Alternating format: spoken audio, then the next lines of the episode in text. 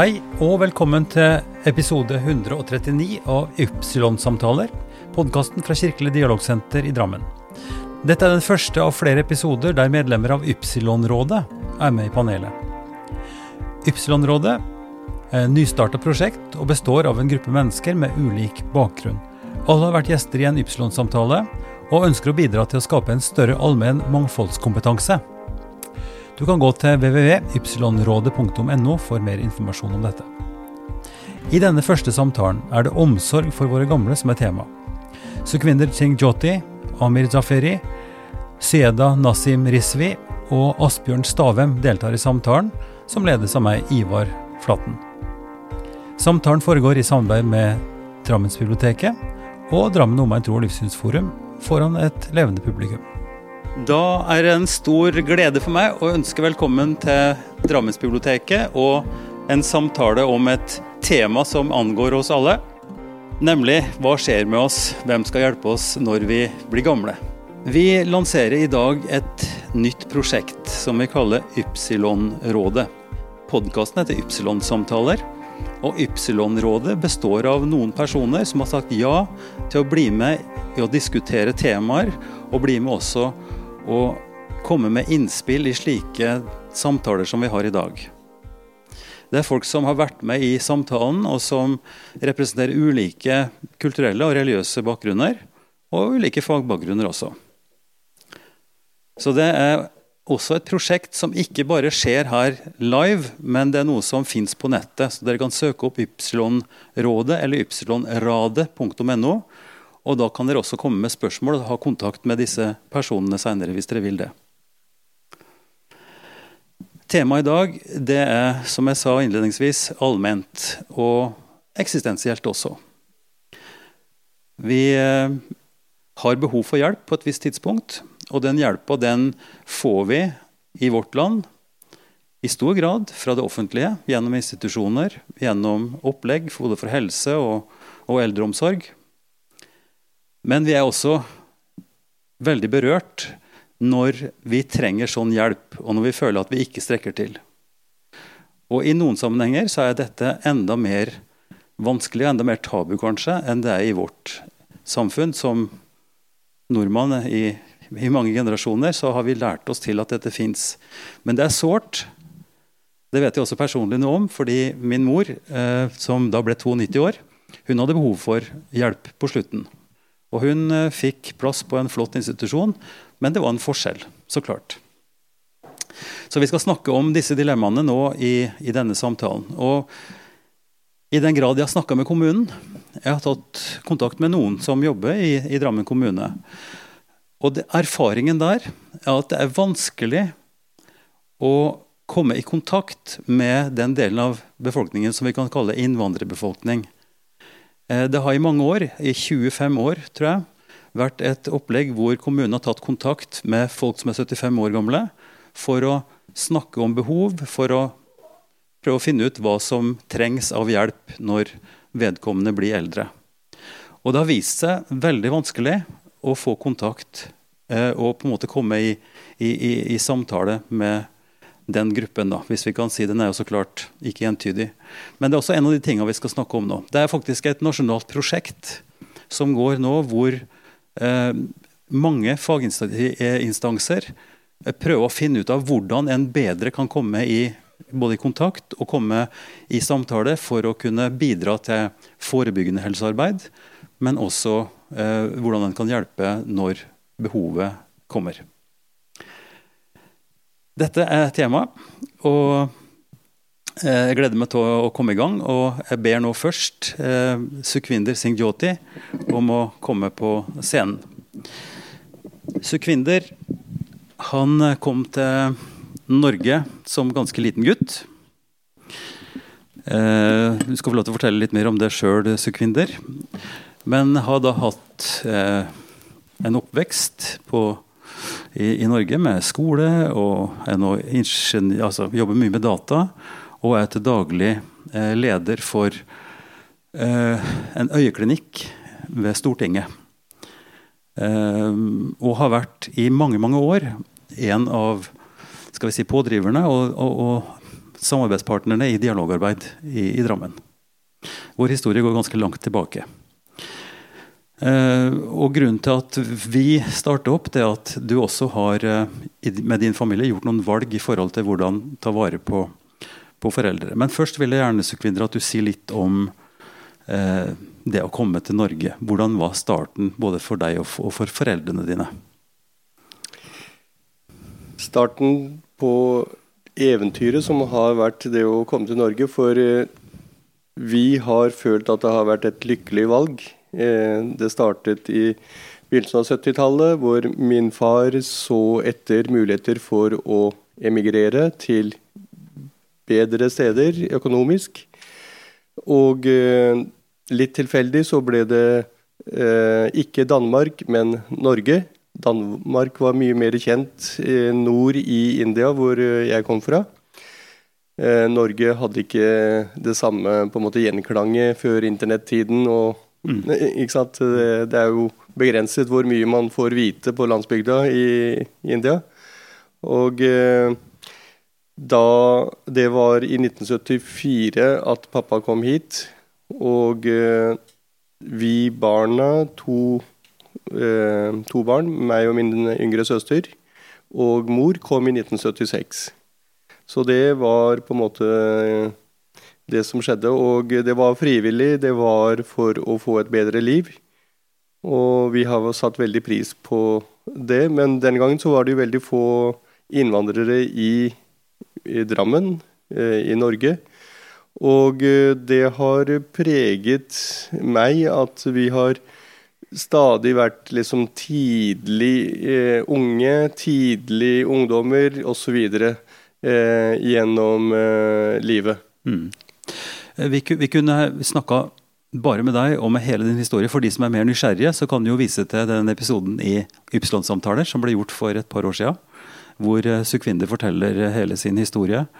Men det som jeg har lyst til vi skal legge vekt på nå, det er jo hvordan tilhørigheten til, til Sikh-menigheten, som du også har vært med på å bygge opp, og bygd tempelet i, i Lier, eh, og tilhørigheten til ja, til, til den forsamlinga og til det miljøet, i, i, hvilken grad det har, har vært aktivt eller viktig for, for, dere? Det å kunne ha samlingssteder hvor du føler du kan eh, leve ut viktige deler av deg, nemlig troen og den kulturelle eh, ryggsekken man tar med seg, det gir jo trygghet og en følelse av at man er hel at man ikke på en måte eh, har, er bare stykkevis og delt. Mm. Mm. Jeg eh, tror det er viktig, eh, så at man opplever at man kan være seg sjøl mm. gjennom et langt liv. Mm. Og da er dette viktige brikker ja, i det sammen. Ja. Altså, grunnen til at jeg spør, det er jo en har en, en fornemmelse av ut ifra den innledningen min om at tilhørigheten til til det norske systemet, om du vil. altså Til, til måten en, en, ordner seg da med, med helsehjelp og, og med, med pleie osv. Eh, vil si, altså Hvordan oppfattes det vil du si, i, i ditt miljø? altså Med, med indisk opphav og i skal vi si, det norsk-indiske miljøet? Det norske helsevesenet, som eh, vi selv er en del av, det er eh, veldig høyt verdsatt eh, pga. prinsippet om likhet og alle disse gode tingene som eh, vi eh, i sikh-samfunnet setter pris på, uansett hvor vi er i verden. Mm. Så Norge har eh, på en måte gjort eh, veldig mange gode valg, og, som vi støtter. Mm. Og så er det jo det at eh, det kan bli en prøvelse når vi nå skal snakke om alderdommen. For der blir på en måte Der går vi mer verdimessig fra hverandre. Mm. Eh, føles det som. Ja, og Si litt mer om det. Hva det betyr, hva, hva, hva som innebærer Du kan si at eh, kanskje 70 år siden her i Norge etter annen verdenskrig og sånt, så var det jo mye mer vanlig at man hadde foreldre boende kanskje i en uh, generasjonsbolig eller den type ting. Altså de tjenestene vi i dag tar for gitt, var ikke like godt utbygd. Mm. Og man hadde ikke de økonomiske midlene som vi har i dag. Oljen. Eh, så den type forventninger hos oss er akkurat det samme, nemlig at eh, hvis du hadde vært på bygda og det ikke var noe sykehjemplass her, så er det liksom bare gitt mm. at barna skal uh, ta over. Og det er jo også en tanke om gjensidighet. Når man er barn, så blir man tatt vare på av foreldrene. Og når man selv er voksen, så tar man vare på de som på en måte blir de nye barna, for de uh, får omsorgsbehov der. Så det er den der bindingen i flokken mm. uh, som er ganske sterk, og det må den være for at vi skal hjelpe hverandre å overleve. Ellers så hadde jo bare liksom latt folk dø, holdt på og ikke mata dem. Mm.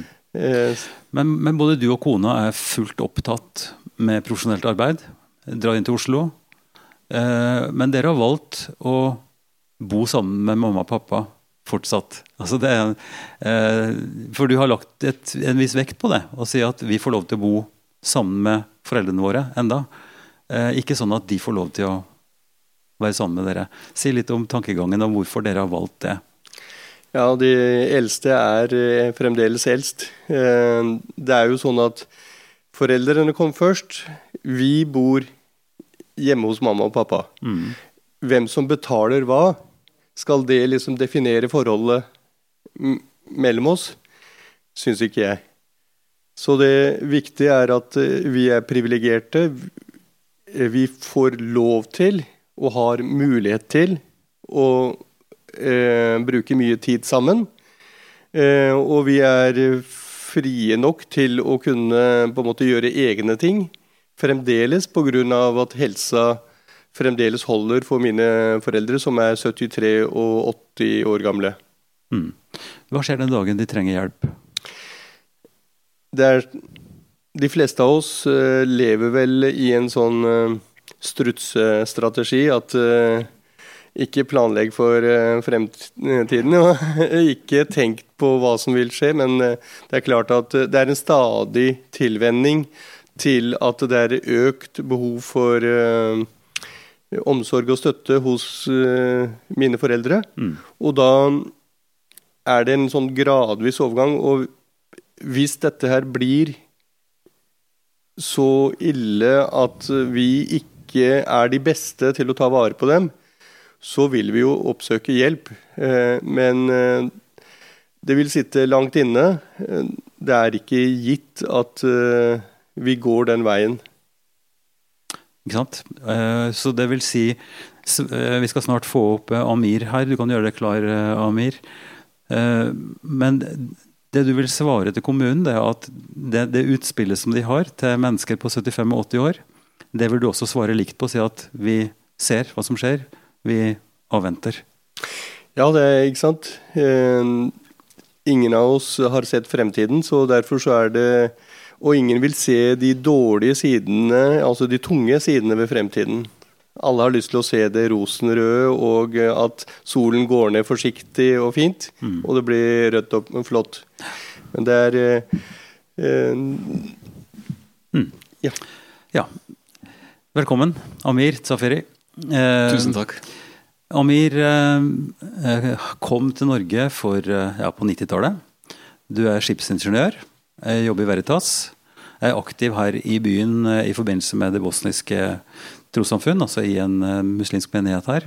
Mm. Og er også aktiv i DOTL. Det sa jeg ikke om, om Sukvinder, men du også var med å starte opp dialogforum og sånt, og du er nå aktiv i styret, Amir. Ja. og ditt, din historie er jo annerledes, veldig annerledes enn en Sukvinders historie. Men også typisk for ganske mange som bor her i byen. Hva er din historie? Hvorfor kom du hit? Ja, jeg syns at eh, mange eh, er, eh, har lik historie kanskje som meg, med noen detaljer i forskjell. Mm. Jeg kom til Norge egentlig i 2001. Og det var pga. krigen i ja. eks-Jugoslavia. Ja. Og den siste krigen, da var det i 1999. Jeg bodde i Montenegro. Foreldrene mine bodde i Kosovo. Så vi, både jeg var i en uh, veldig farlig situasjon fordi jeg jobbet for uh, den jugoslaviske marinen Og ifølge eh, de folka som bodde der, så jeg var eh, kanskje en sånn fiende. Og for mine foreldre, eh, det var eh, siden de bodde i Kosovo, så eh, var det at eh, situasjonen at eh, pga. at jeg er i militæret og støtter fienden for de andre, da kunne de risikere også å bli enten drept eller gjort noe med det. Så eh, Grunnen til at jeg kom til Norge, var eh, egentlig eh, samtalen som vi hadde med foreldre. og så De sa til meg sønn, du må redde deg selv. Du må redde din familie. Hvis du redder dem, hvis du redder deg selv, da blir vi glade. Du må ikke bry deg om oss. Redd først deg selv. Ja. Så Det var grunnen til at jeg først kom til Bosnia-Hercegovina. Mm. Og så senere til Norge i 2001 eh, ja. som eh, flyktning, ja. overføringsflyktning.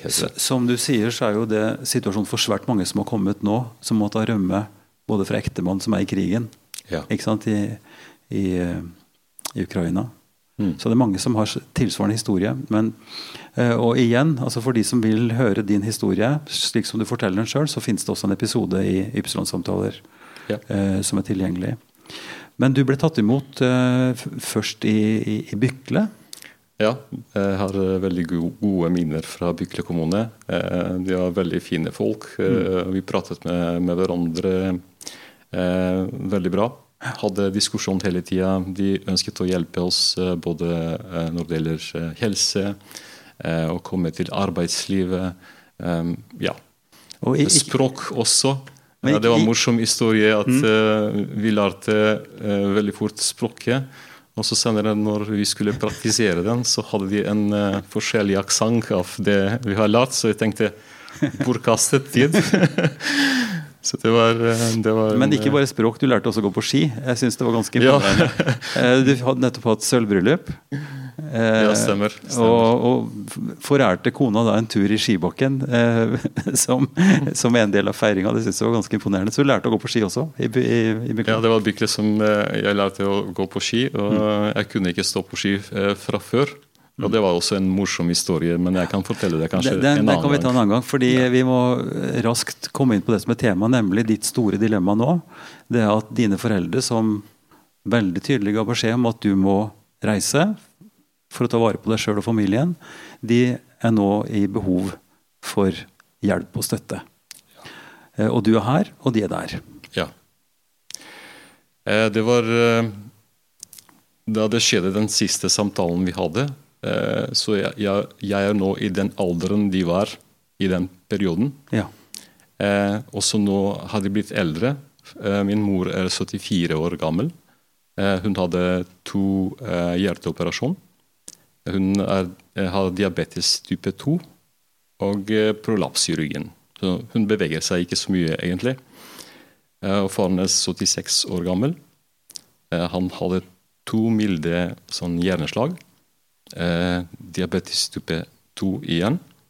Og nå nylig, for et par måneder siden, så fikk han noe som heter koldbrann, hvis jeg husker riktig.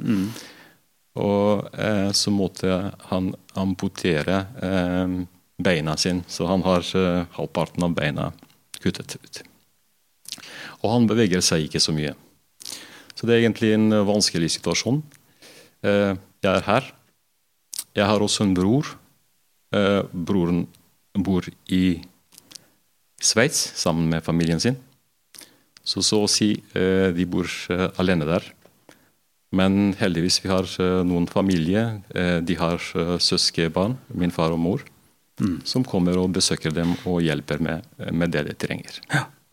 Så det er en situasjon som jeg tror også er gjenkjennbar for flere som har måttet flykte, eller som bor langt unna sin familie, og hvor behovene kommer. Og, og, og situasjonen din da, i, med din arbeidsgiver, når, når, det blir din tur, eller når du føler at du må ned for å støtte opp, som det av og til er behov for, mm. så vil du ha noen behov eh, for forståelse eller, eller, støtte. I og med at mm. det er jo uaktuelt å, å, ta det hit. Det vil også være prosedyrer som ikke lar seg gjennomføre. eller Jeg vet ikke hvordan det funker. Du har sikkert tenkt på det også?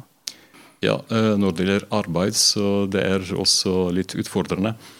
Eh, forrige ganger da mora ble operert, og sånn, så tok jeg ferie. Så nå siste gang hadde jeg ikke så mange dager fra ferie. Så har vi planlagt ferietur i september-oktober for å reise på slutten av desember og besøke dem. Og så ca. ti dager før vi skulle reise, så hadde faren en sånn Heter det amputasjon av ja, tåa ja, først? Ja. Så, men etter hvert, da vi kom der, så begynte det å komplisere seg. Ja. Så har faren operert seg eh, tre ganger til. Mm. Og jeg var hele tiden sammen med han. Mm. Jeg var på sykehus sammen med han. Jeg hadde planlagt ti dager på ferie, men da ble jeg fire uker der. Så uh, jeg måtte regulere det med, med, sjefen, om jeg kunne eventuelt jobbe derfra. Og som sagt, jeg er også i en heldig situasjon at jeg kan jobbe eh, hvis jeg har en PC og en internettilknytning. Så kan jeg jobbe derfra. Mm. Så fikk jeg lov til å jobbe to uker der. Mm. Og som sagt, jeg er heldig at jeg kunne mm. gjøre det. Mm. Jeg vet at mange kan ikke gjøre det. Uh, hvis du skal med noen få ord si hva som ville være til hjelp for din situasjon og andres For nå snakker vi utgangspunktet om hva kommunen og det offentlige kan gjøre her. Uh, men de bor et annet sted, og du er sønn og nærmeste uh, pårørende. Mm. hva er behovet ditt, og hva, hva kan spilles inn til til myndighetene, om du vil? Altså, hva, hva, slags, hva er saken på en måte som ville kunne avhjelpe dette? Ja, eh, Det at de flytter her, det er ikke aktuelt for dem. Eh, først, De kan ikke reise. Andre ting, de kan ikke språket. Da blir det eh, mange utfordringer her. Så vi kan også ikke reise så ofte der nede og hjelpe dem. Så jeg begynte å tenke litt hva kunne ha hjulpet dem, eller meg, Eh, først tenker jeg kanskje eh, Hvis dere husker, så det var en ordning tidligere med skatt. Hvis man hjelper f.eks. For foreldrene, eh, og sånt, så får man tilbakebetalt en del av skatten. Det var en tanke som kom tilbake til meg. Kanskje den kan aktiviseres, aktiviseres igjen. Mm. En annen ting som jeg tenker på, er kanskje at Norge lager en sånn samarbeideravtale med enkelte land til helsehjelp. Til f.eks. For foreldre til barna som bor her i Norge. Da hvis de har foreldrene sine i en annen land, da kan kanskje Norge lage en avtale. det ville hjelpe oss mye. Og tredje ting, det vi snakket om eh, arbeidsgiver og sånt. At uh, kanskje arbeidsgivere er mer fleksible til at de lar oss til å jobbe derfra i en periode. Mm. Det vil bety veldig mye for, eh, for, mine foreldre. Jeg tipper for alle foreldre også. Mm. Bare at jeg er fysisk der, mm. at jeg kan eh, hjelpe dem. Vil, de vil få en ro i sjelen og i kroppen, syns jeg. Mm. Så disse tre eh, ting tenker jeg kanskje at det vil hjelpe. Vi kan fortsette på den litt senere, men jeg vil nå invitere Nasim Rizvi eh, på scenen. Nasim eh, fra pakistanske foreldre. Bodd her eh, hele livet. Eh, aktiv også i dialogarbeid. Sitter både i DOTL, altså Dialogsforumet sitt styre, men også i Buskerud innvandrerråd. Og er en, eh, en, synlig og aktiv person som ytrer seg om, om forskjellige ting. Særlig tydelig var jo det under koronaen, hvor det både var podkastarbeid, og, og, vi så det i avisa både titt og ofte. Eh, Nasim, eh, du er også i en situasjon at du har eldre i nær familie som du føler et ansvar for. Og, eh, kan du ikke si litt om, om, hvordan det føles for deg akkurat nå? Jo, det er jo et ansvar um, som jeg tar med glede, aller først.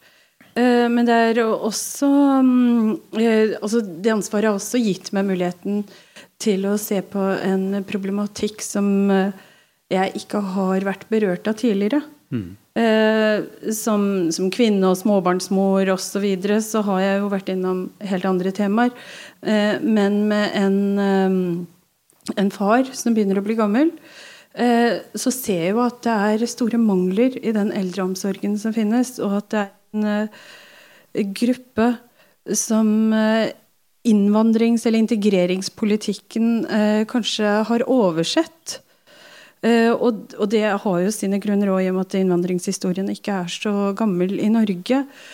Og mange av de som kom til Norge på slutten av 60-70-tallet, har ikke blitt så gamle ennå, men de begynner å bli eldre nå. Vi mm-hmm. kommer til å uh, merke det. Mm. både i de tjenestene som er der, men også det, det som bekymrer meg, er den mangelen på bruk av de tjenestene som finnes. Mm. Og jeg må innrømme at vi er heller ikke flinke til å bruke de, for vi ser jo på det som vårt ansvar. Men kanskje vi kan si litt om, om det som ligger bak den forsiktigheten.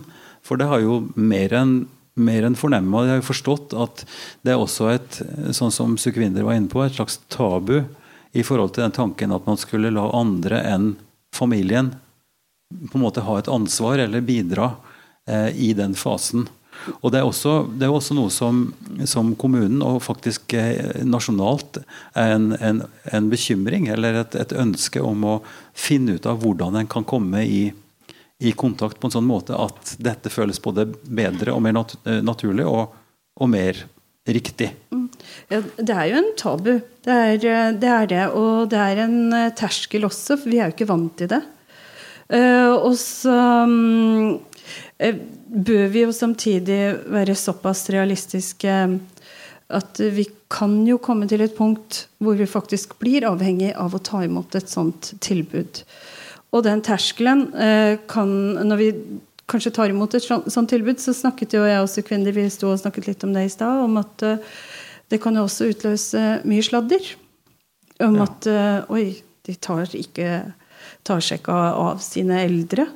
Så, så det, er, det, er, det, er, mange grunner til at mm. mange holder igjen på dette her.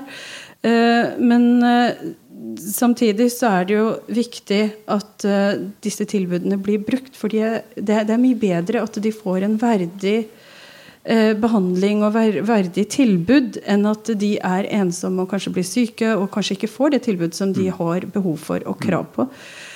Og um, jeg spurte jo pappaen min før jeg kom hit i dag hva er det du savner?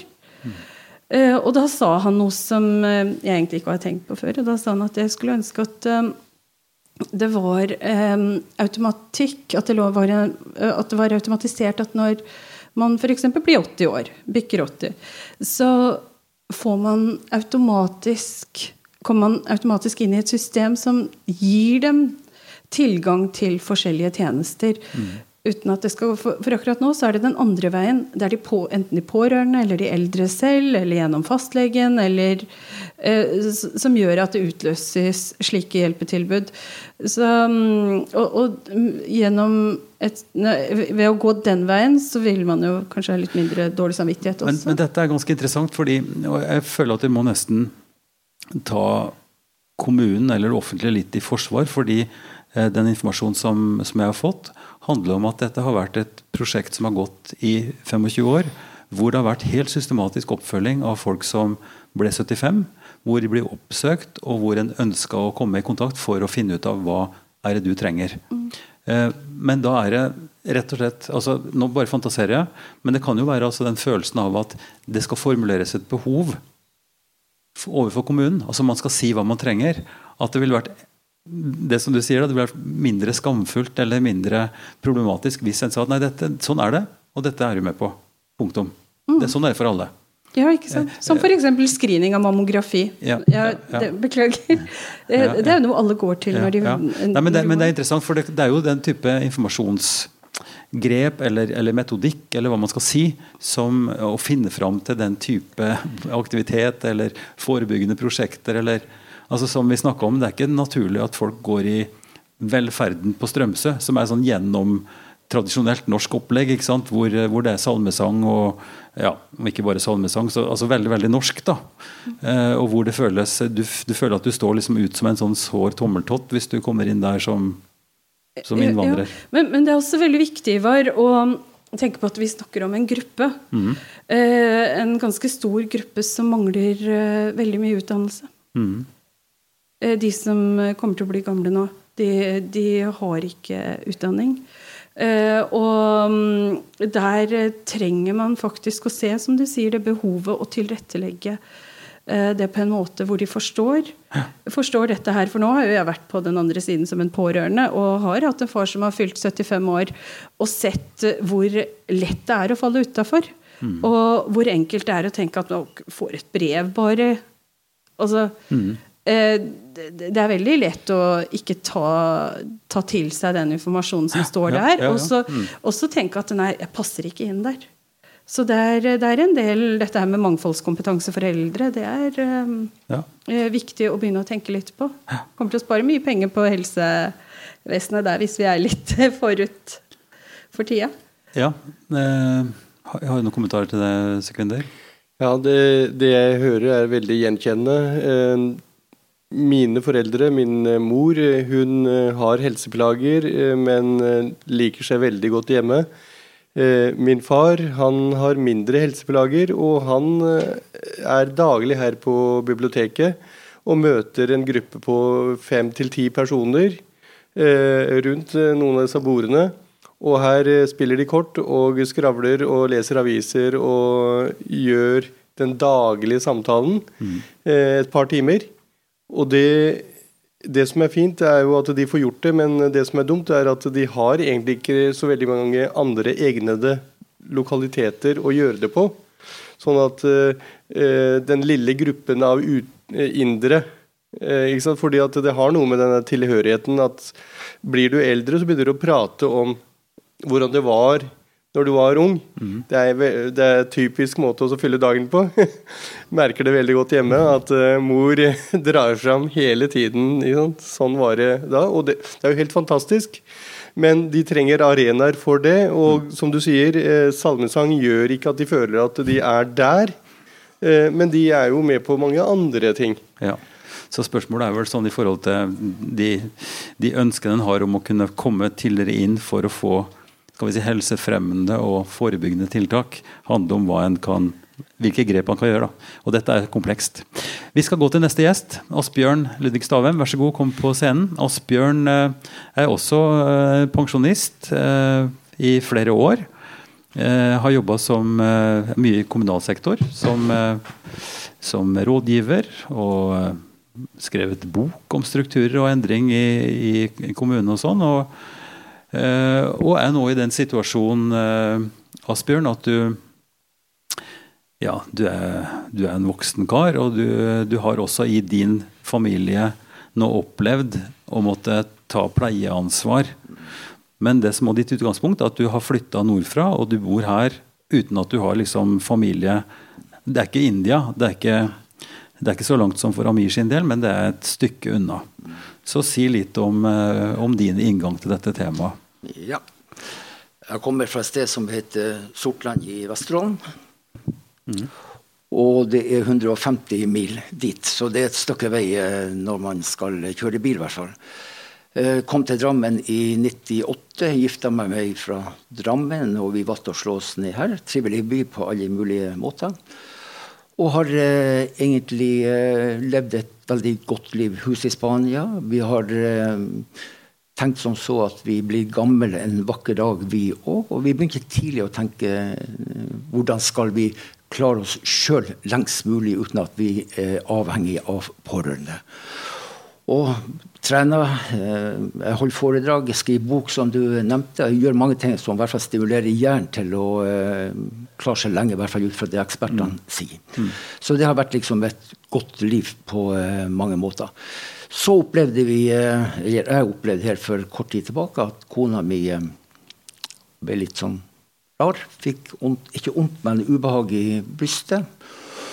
Og gikk til lege, ble sendt til Rikshospitalet rimelig fort og konstaterte en skade på hjertet.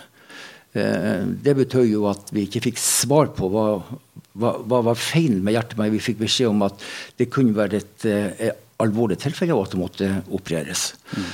Og det skjedde jo at uh, i januar at hun ble operert på uh, sykehuset på Rikshospitalet. Uh, og la meg si òg at formidabel altså De er altså så flinke på Rikshospitalet. Mm. Både med informasjon, telefon, fikk vite hele tida hva som skjedde. Bodde jo på hotellet der. Og opplevde på mange måter at det var veldig positivt i en trist situasjon altså, som hun var ramma av. Men så gikk det jo heldigvis eh, veldig veldig bra. og Etter tre uker på eh, Rikshospitalet og Drammen sykehus fikk inn, installert pacemaker, så kom hun hjem. Og det betød at jeg ble hjelpepleier. Fra dag én altså, så måtte jeg sette i gang og tenke hvordan hverdagen min nå skulle organiseres. Vi hadde jo for så vidt en grei arbeidsfordeling hjemme fra før, men alt det hun hadde gjort før, det måtte jeg overta og gjøre nå. Eh, kan si det mest krevende var jo at jeg måtte vaske henne fra topp til tå. Hun var veldig nøye med at håret skulle være velstelt, så jeg måtte vaske håret, sjampo skjølle det og dele. Måtte bruke føner og føne det tørre. og mose det ser ikke ut som du har så mye sånn hårerfaring. Ja. og gud vet hva, så krølltang osv. Så, videre. så det var egentlig en, en par times jobb hver morgen med morgenstell. Og så tenker jeg tilbake at Um, nå er jeg 73 år, god form, jeg trener mye og føler meg bra. Dette går veldig veldig uh, greit. Jeg lager mat osv. Men hvis jeg har vært 80 år, og dette har skjedd, hva da, altså? Det er ikke sikkert at jeg har vært i så god form da jeg var 80 år som jeg er i dag. Kanskje jeg også var pleietrengende. Og jeg har vært i kontakt med Pårørendeforeninga, og det vil jeg jo anbefale folk å ta kontakt med, for de har veldig mange gode råd og tips. Mm. Eh, hvordan rettigheter for det første man har som eh, pårørende. Men for mitt vedkommende var det aldri aktuelt å søke kommunal bistand i det arbeidet. Jeg tenkte den måneden det skal jeg klare greit. Og så skjønte jeg jo veldig fort hvor godt det er å ha et godt nettverk rundt seg. Familie og gode venner de stilte opp og tok sine tak når det blåste som verst, for å si det slik. Um, jeg opplever jo eh, Jeg må jo si, jeg jobba i Brussel før jeg gikk av med pensjon og fikk tilgang til mye statistikk. Jobba med mye statistikk. Og da registrerte jeg jo at Norge var jo suverent på topp når det gjelder velferdstilbudet til sine innbyggere. I første rekke det som kommunesektoren bidrar med overfor befolkninga. Og rundt 70-80% av eh, velferden vi, eh, som folk blir tilbudt, det skjer i den enkelte kommune i Norge i dag. Mm. Mindre på staten og mindre på fylkeskommunen. Ja, ja. Men, så, men, eh, så, det er veldig mye bra, for å si det slik. altså. Amir, du har en kommentar? Ja, eh, Det jeg hørte av deg, så initierte meg til å tenke litt eh, på mine foreldre og min situasjon der nede. Eh, det er egentlig Faren trenger litt pleie også. Og da har vi en mann som kommer fra familie som hjelper ham. Han hjelper ham å dusje ham og barbere ham en gang i uka. Så prøver å hjelpe dem også med sånn uh, kjøpe dagligvarer, f.eks. Mm -hmm. medisin og små reparasjoner i huset og sånt. Uh, men han er også i pensjonsalder, så han er 66-67 år. Og i, han hjelper så mye som mulig, men jeg vet ikke om han blir snart syk. Og da er det også en uh, tanke på hva skjer hvis, hvis han blir syk. Eh, det som skjer nå i eh, Balkan, er at mange flykter til, eh, til andre land i Europa. Og da blir det eh, bare eldre som blir der. Det er en bølge av eldre folk. Mm. Ikke så mange andre som kan overta. Mm. Og da er det vanskelig å finne folk for å eh, pleie de eldre, da. Mm. Ja. Det. Ja. Eh, hva tenker du videre, Asbjørn, eh, om, om, eh, din og deres situasjon? Du sa at du har ikke tatt kontakt med, med kommunen. og det er, det er, interessant, for du er jo faktisk ekspert på, ja. på, kommunale tjenester og har reist landet rundt for å gi råd om kommunesammenslåinger mm. og what's not. Mm. Men du, men, du, har tatt statsrådens ord på face value, sier at Kjerkol sier vi skal klare oss sjøl, og det skal vi. Ja. Unnskyld. Jeg syns det signaliseres ifra, ikke bare fra regjeringa, men kanskje mer et hvert fall delvis samla storting, at vi må ta større ansvar for våre pårørende i, eh, i fremtida. Mm. Og det er en realitet. Og det ser man allerede i dag. Og ifølge Pårørendeforeninga så er det da rundt 800 000 pårørende som steller med sine Det er ikke bare gamle, men også andre sammenhenger. Og for meg så tenker jeg liksom en gang i fremtida, hvor går grensen? Hvor, hvor, lenge klarer vi som pårørende å ta, ivareta våre nærmeste? Mm. Og jeg tenker Det er en terskel et sted som eh, vi ikke må forsere. altså Vi må stoppe med en terskel, så må man tenke tilbake. og Da tenker jeg at staten, eh, regjering, ja. kommuner osv. må ta et større ansvar for fremtida. For vi blir flere og flere eldre. Absolutt. Men, men eh, det som faktisk er et interessant utgangspunkt her, det er at kommunens folk i sin sitt ønske om å få kontakt og etablere på en måte nettverk og, og, og, finne ut hva som er behovet. De forteller at her klarer vi ikke helt å komme i kontakt. Vi klarer ikke å finne ut av det. Vi er ikke tidlig nok inne. Det er klart Når pleiebehovet er stort, når folk blir syke, så er det jo ikke tvil. Ikke da får du den hjelpa du skal ha. Men her er den fasen altså hvor, hvor en nærmer seg det nivået, og hvordan en da kan bli integrert eller komme inn i, i, i, sammenhenger eller i opplegg, om ikke det er på biblioteket rundt et bord, så kan det være altså, tur, turgruppe eller hva som helst. Men, men, det er et eller annet her som, som jeg fornemmer eh, skurrer litt, eller som på en måte er vanskelig fordi at det er flere nivå i, i forsiktighet eller, eller sånt noe. Eh, Nasim først, og så, og så du. Ja, jeg tenker um, det som Asbjørn uh, sier. Uh, det er veldig viktig å samtidig tenke på den um, Å sikre at uh, den tjenesten Eller den aktiviteten som pårørende gjør, da, at den er trygg og forsvarlig. For det at en pårørende tar ansvar for eldre, er ikke dermed sagt at det er trygt og godt. Og, mm. og det har man jo mange eksempler på. så ja, det, er, det, det, kan faktisk uh, være farlig mm, mm, ja. enkelte tilfeller. Ja. Asbjørn? Ja. Uh, igjen den, den terskelen der som jeg snakka om i stad, så jeg tror vi har jo det Den kulturelle spiller inn i forhold til det å ta kontakt med kommuner. Så, eh, men jeg, i hvert fall ut fra et norsk ståsted, norsk kulturelt ståsted så ligger det nok både det at man skal klare seg sjøl lengst mulig. Mm. Det ligger liksom i folks grunnholdning, ja. tenker jeg, og jeg føler på det, på det samme sjøl. Mm. Men det andre ligger også i dette med folk tenker at min familie eller en i familien min er syk, han skal ha en psykisk utfordring. Altså man vil ikke snakke om det til andre. Man holder dette hemmelig på en, en måte. for det har med stolthet å gjøre i, i familien. Og avslører man noe som er en sykdom, med svakhet, et eller annet, så avslører man noe om familien. Og den terskelen er nok veldig høy for mm. veldig mange. Jeg kjenner folk som ikke går eh, og ber om hjelp ut fra at det er skambelagt. Mm. Ja. ja. Mm. To ting.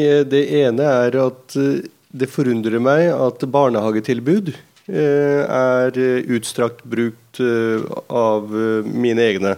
Mm. Der er det ikke en sånn det, det, oppleves ikke som et rop om hjelp eller altså den type ting. Mer som en helt riktig ting for å få hverdagen til å gå opp og at to foreldre, eh, altså begge, jobber ute. Mm. At det er en akseptabel ting. Men i alderdom så blir det plutselig det at samme behovet for avlastning eh, ikke er like godt ansett. Mm. Og det andre er at eh, hvis du skal komme i kontakt med disse miljøene, regner jeg med at eh, våre religiøse, eh, altså trosorganisasjoner, kan være en viktig medspiller fordi at de også bærer på en, eh, en kulturell eh, forståelse og også en autoritet.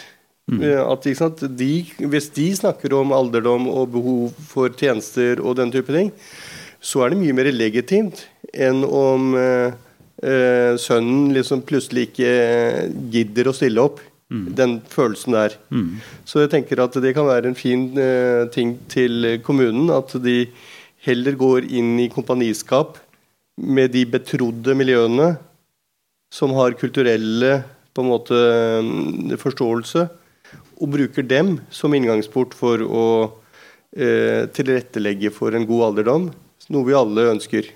Vi husker jo Brennpunkt, eh, som ikke var for lenge siden, og det var jo veldig vondt å se uansett om du er eh, innvandrer eller om du ikke er det, så er det jo individet vi må ha fokus på, og de behov vi skal dekke. Mm.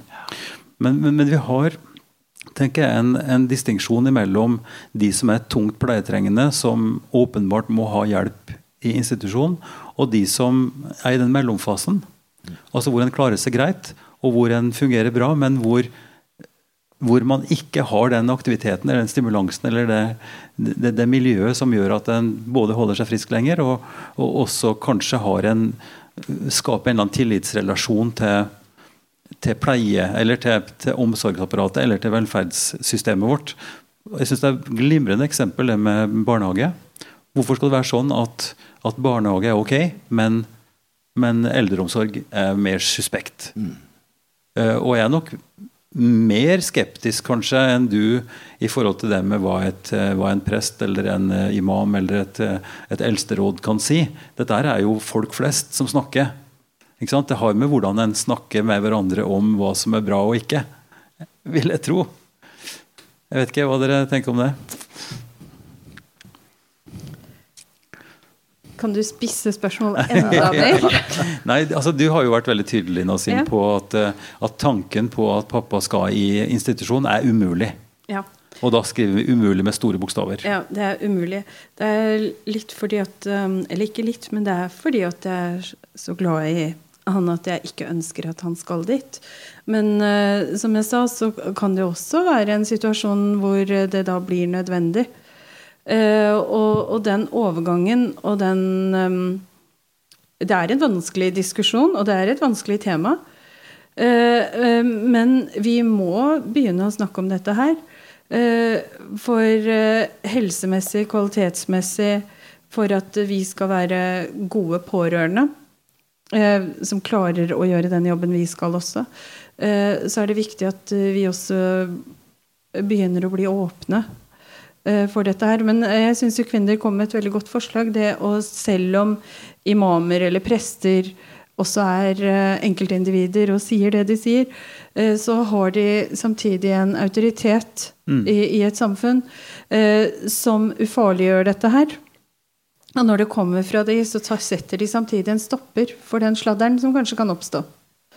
Uh, og mm, det, det, er, det, kan være en ganske smart måte å ta i bruk mm. uh, den type tjenester på. For det er jo mm. nytt. Mm. Barnehager er jo altså, Da vi var små, så var det ikke veldig vanlig å gå og sende barna. Så det har jo gått noen generasjoner før det. Nå, er, nå kan vi si at barna, alle barna skal i barnehagen. Går de ikke der, så er det unormalt. Det er fordi at uh, det har gått en tid. Eh, men vi, ikke, vi, er jo ikke helt der ennå hvor vi virkelig kjenner på kroppen eh, den utfordringen vi kommer til å møte når våre eldre virkelig blir mm. eldre og mm. trenger en omsorg. Så, eh, så mm, det, det, er nytt for alle oss, og det er nytt for, for Ja. Men, men, jeg tror vi deler det grunnleggende dilemmaet at vi ønsker det beste for våre foreldre. Og min historie er jo at jeg flytta hjemmefra i 75. Eh, men jeg har en søster som bodde i Oppdal, og som har hatt kontakt med, med mor helt fram, til, helt fram, til, nå, hvor det ble for vanskelig for henne å bo på en liten, en liten leilighet på gården, og, og, trengte da flytte til et sånn omsorgshjem. Mm. Eh, og For henne var det positivt, hun ønska det, og det, det framsto som positivt fordi at vi også kunne følge opp eller Kari da først og fremst. Men men det er jo en, en slags smerte og en, eh, et, et, dilemma som ikke går over. Altså når, både for den som er eldre, som faktisk må innse at nå klarer jeg ikke lenger å gjøre det som jeg har gjort før. Jeg må ha hjelp. Ikke sant? Og slippe å, å, å la folk komme til, til, å få hjelpe seg. Og det andre å liksom akseptere at, en, at ting forandrer seg. Og at en må ha andre inn i livet sitt. Så hovedspørsmålet sånn som jeg oppfatter det, det, det er mer hvordan kan vi lage den terskelen lavere, eller hjelpe til at den overgangen blir, ikke blir så brutal. Fra full omsorg i hjemmet til plutselig å være på en nødvendig sykehusaktig eller pleiehjemssak. Jeg tror Asbjørn har bedt om ordet litt. Vær så god. Ja, um jeg har lyst til å beskrive en situasjon som er sammensatt og kanskje mer kompleks enn som så. Da tenker jeg på min gamle far og mor. Jeg har jo jobba stort sett hele mitt liv i Oslo, men jeg reiste nordover til Sortland. Fikk meg jobb der en periode for å være sammen med min gamle far og mor. De bodde på en gård.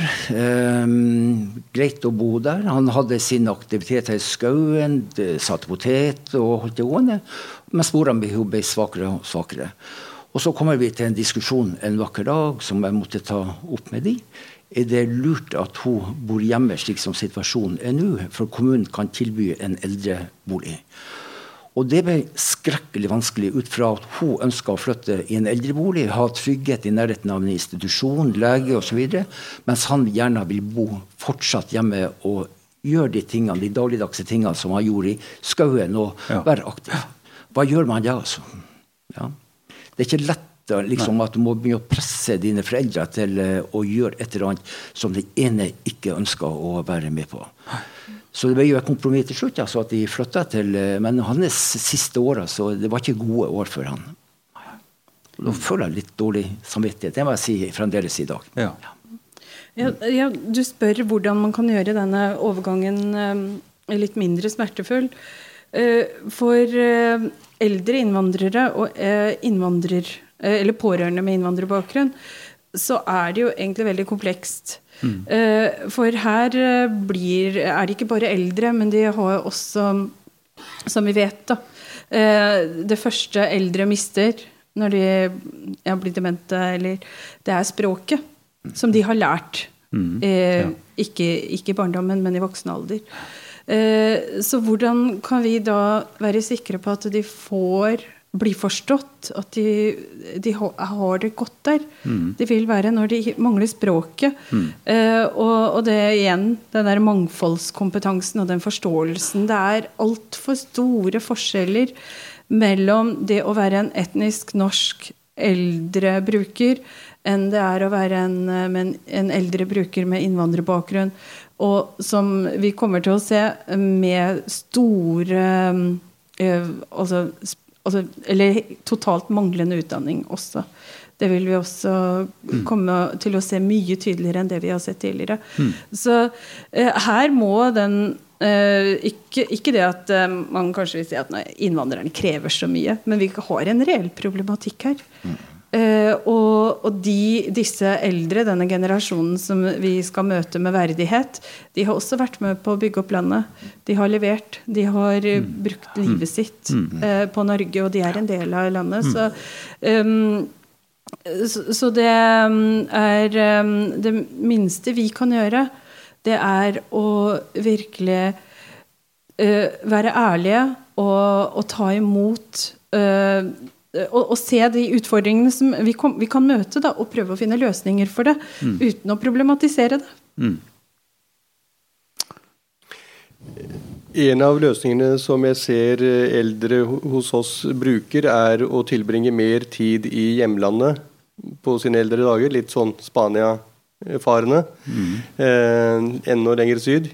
Eh, det er på en måte et virkemiddel, en uh, mulighet. Uh, og i Norge så har de jo lov til å ta med seg pensjonene sine. Og, så det er på en måte et godt bidrag når de fungerer, selvsagt. så Ellers så tror jeg at velferdsteknologi kanskje blir et svar. Vi sitter jo i et bygg hvor det utdannes og forskes faktisk på velferdsteknologi. Eh, og eh, at disse dilemmaene er ikke bare for de som er mørkere i huden eller eh, med eller uten hår. Det er, det er, for oss alle. Det er bare at vi trenger alle nyansene på bordet. Mm.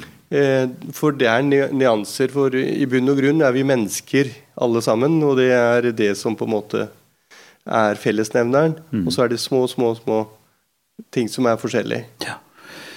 Eh, vi går absolutt mot slutten her, så jeg vet ikke En kort, liten oppsummering, kanskje. Vi har, vi har nå hørt Asbjørn snakke om dilemmaer i, fra sitt perspektiv, ikke sant? Som, eh, med, med, erfaring nå fra pleie og hårstell. Og, og, og det å tenke også framover hvordan en skal klare seg sjøl. Planlegging.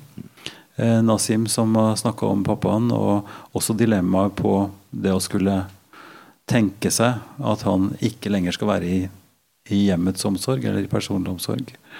eh, Amir som, eh, som har dette store, store dilemmaet at syke og pleietrengende foreldre bor svært langt unna. Der det, der du har et ansvar. Og så har vi sykvinner da som, som har det tettere på, men har det i hus. Eh, og der det går bra foreløpig. Men problemet vil jo, eller utfordringen vil komme på et tidspunkt når dere ikke klarer å Det ikke er hensiktsmessig lenger. Så hvis en skulle være så frimodig å, å, å spørre om én ett poeng som de som nå forhåpentligvis lytter på dette, av politikere og, og folk som jobber i, i kommunen og i, i, denne sektoren, hva de burde eh, gå videre og, og, grave i og finne ut av. Så kunne jeg tenke meg å ta en Jeg bør ikke ta det i rekkefølge, men hvis dere har eh, et poeng som dere syns er viktigst, eller noe som dere ønsker skal tenkes på. Gjerne noe av det som dere har sagt før, naturligvis. Nasim vil starte. Ja, siden du ønsker at vi skal henvende oss til politikerne, så håper jeg at det kan bli igangsatt eh, en type kartlegging. Og, og, kanskje bruke England som et referanseland som har en lengre innvandringshistorie enn det vi har. Som har vært igjennom den fasen som vi kommer til å være i, eller er i ferd med å komme i nå. Eh, og ta litt læring av det. Og, og, og sette i gang noen tiltak ut ifra det de kommer til å se. Mm. Mm ut av Bra. den kartleggingen. Takk skal du ha.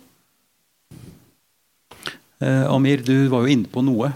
Eh, ja, jeg kan si at eh, for meg, for politikere Hvorfor skal de hjelpe meg? Det er en sånn naturlig spørsmål når mine foreldre er i en annen land. jo, jeg tenker bare på at jeg opplever stress daglig er hver gang når jeg tar telefonen, mora eller faren ringer, så er jeg litt ah, Hva som har skjedd? Eh, de har en del utfordringer daglig, så jeg blir stressa hele tida. Eh, og eh, forskning har visst at hvis man blir stressa i en lang periode, så kan man bli syk. Og da tenker jeg Norge må tenke også på en måte på oss så hvis jeg blir syk, da havner jeg kanskje på Nav-penger, og det er ikke bra både for meg og min familie, og ikke for staten heller. Så tenk også på, på oss eh, på en måte, på den mm, måten. Mm, bra. Asbjørn? Ja, hvis jeg skulle gi et råd til kommunen, så måtte det være at eh, hjelp til selvhjelp. Altså dette med å kanskje etablere et treningsmiljø for eh, folk Eh, som begynner å bli opp i årene, og gjerne i uh, yngre år også. Jeg har veldig tro på dette med forebyggende arbeid og det å bruke hodet. Jeg vet jo det er etablert treningsmiljø på Åssida, der jeg bor nå i, i, dag. Det har jeg veldig tro på som et godt virkemiddel for å få en god eh, alderdom. Og være klar i hodet. En lege fra Lier som heter jeg tror Brustad heter, jeg hørte foredraget han, sier at den viktigste medisin for å ha et bra liv, det er å trene. Så sett i gang med det i Drammen kommune. Vi, Full pakke. så skal vi runder av med, med Sukvinner, som var først, uh, først, ute her. Jeg tenker at det jeg ikke har gjort, det er å ha lyst til å ha denne dialogen på et fornuftig tidspunkt i livet. Eh, det hadde vært eh, veldig fint om vi kunne få dette inn i en type årshjul, altså livshjul. At det du sier, at 75-åringer, 80-åringer blir kontaktet. Men kanskje på, hvis det ikke har fungert, så er det kanskje ikke fordi at de oppsøker, men fordi at det er måten det skjer på. Eh, for eh, jeg tror behovet er der, mm. og at vi kunne eh, ha glede av å planlegge seniorårene. Kanskje ved hjelp av en rådgiver og den type ting. Mm. I en dialog. Ja.